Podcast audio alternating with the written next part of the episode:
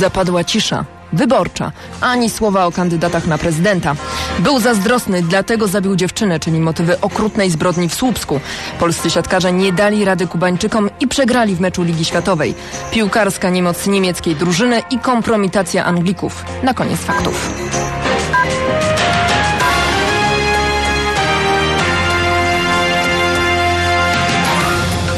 O kandydatach na prezydenta. Od 6 godzin obowiązuje cisza wyborcza. Potrwa do 20 w niedzielę do zakończenia głosowania. W czasie ciszy nie wolno zwoływać zgromadzeń, organizować pochodów i manifestacji, wygłaszać przemówień czy rozdawać ulotek. W tym samym czasie zabronione jest również podawanie do wiadomości publicznej wyników sondaży przedwyborczych. Mówił Krzysztof Lorenz z Krajowego Biura Wyborczego. Według Państwowej Komisji Wyborczej kandydaci na prezydenta i ich sztaby nie powinny także wzywać w tym czasie do udziału w głosowaniu. A pierwsze nieoficjalne i cząstkowe wyniki wyborów poznamy już jutro w nocy. Oficjalnych wyników możemy się spodziewać najprawdopodobniej w poniedziałek. Od początku lipca CBA będzie miało bardzo utrudnioną pracę. Wszystko przez upływ terminu uchwalenia nowelizacji ustawy o tej służbie. Obowiązek zmiany przepisów do 2 lipca nałożył w zeszłym roku Trybunał Konstytucyjny, jednak nowelizacja dopiero parę dni temu trafiła do Sejmu. Utrudnienia będą dotyczyć przede wszystkim zakwestionowanej przez sędziów Trybunału sprawy gromadzenia i przetwarzania danych wrażliwych, czyli między innymi poglądów filozoficznych, religijnych, orientacji seksualnej, kwestii zdrowotnych czy informacji o skazaniach albo zapłaconych mandatach.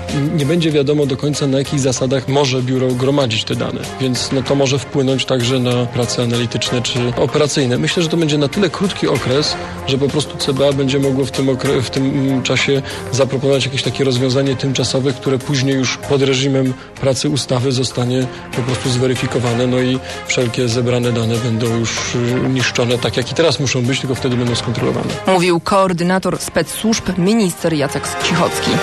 Zaklęty krąg w śledztwie dotyczącym smoleńskiej katastrofy. Polscy prokuratorzy nadal nie mają dokumentów, o które prosili Rosjan. Mimo, że akta sprawy wyszły już z rosyjskiej prokuratury, to utknęły w MSZ w Moskwie. Rzecznik prokuratury generalnej Mateusz Martyniuk wyjaśnił, że prokuratura polska nie ma możliwości naciskania na Rosjan, by przyspieszyli proces przekazywania dokumentów.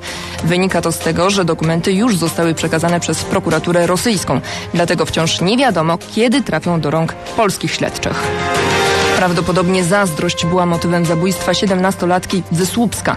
O dokonanie zbrodni podejrzany jest były chłopak Anity T. i jego obecna dziewczyna, rówieśnica zamordowanej. Chłopak przyznał się do winy. Szczegóły Grzegorz Hatylak. Sąd rodzinny umieścił 16-latka w schronisku dla nieletnich, jednak zdecydował, że jego sprawą zajmie się prokuratura. A to oznacza, że choć chłopak 17 lat kończy dopiero za dwa tygodnie, to za zabójstwo odpowie jak dorosły. Zabójstwo, do którego się przyznał przed sądem, a które zdaniem prokuratury zostało zaplanowane i z zimną krwią wykonane. Magdaleny Eł prokurator nie zdążył wczoraj przesłuchać, zrobi to dzisiaj i dziś także wyśle do sądu wniosek o jej tymczasowe aresztowanie. Do wyjaśnienia pozostaje jej udział w zabójstwie. Wiadomo na pewno, że to ona 28 maja wywabiła Anitę z domu na spacer. Zabójstwa nastolatkowie dokonali najpewniej jeszcze tego samego dnia i kiedy policja przez dwa tygodnie poszukiwała zaginionej, jej ciało już leżało na żwirowisku w miejscu, w którym przedwczoraj znalazła je przechodząca kobieta. Polscy siatkarze przegrali w Hawanie z Kubą 2 do 3 w pierwszym meczu trzeciej kolejki Ligi Światowej. Rewanżowe spotkanie odbędzie się tej nocy. Dotychczas podopieczni Daniela Castellaniego dwukrotnie ulegli Niemcom i dwa razy wygrali z Argentyną. W tabeli grupy D biało-czerwoni zajmują trzecie miejsce. Prowadzą Kubańczycy, którzy w tegorocznej edycji Ligi Światowej jeszcze nie przegrali. Wyniki i wydarzenia. Wielka piłka. Kolejny dzień piłkarskiego mundialu w RPA przyniósł spore niespodzianki. Niemcy przegrali z Serbami 0 do 1. Nie dość, że czerwoną kartkę zobaczył i wyleciał z boiska Kloze, to na dodatek rzutu karnego nie wykorzystał Podolski. Ku rozczarowaniu kibiców. Jestem odrobinę rozczarowany i myślę, że mogliśmy zagrać lepiej. Żali się kibicy niemieckiej reprezentacji. W pozostałych wczorajszych meczach Anglicy nie poradzili sobie z Algierczykami, remisując 0 do 0. Mecz Słowenii z USA też zakończył się remisem 2 do 2. Plan kibica na dziś to mecz Holandii z Japonią, Kamerunu z Danią i Gany z Australią.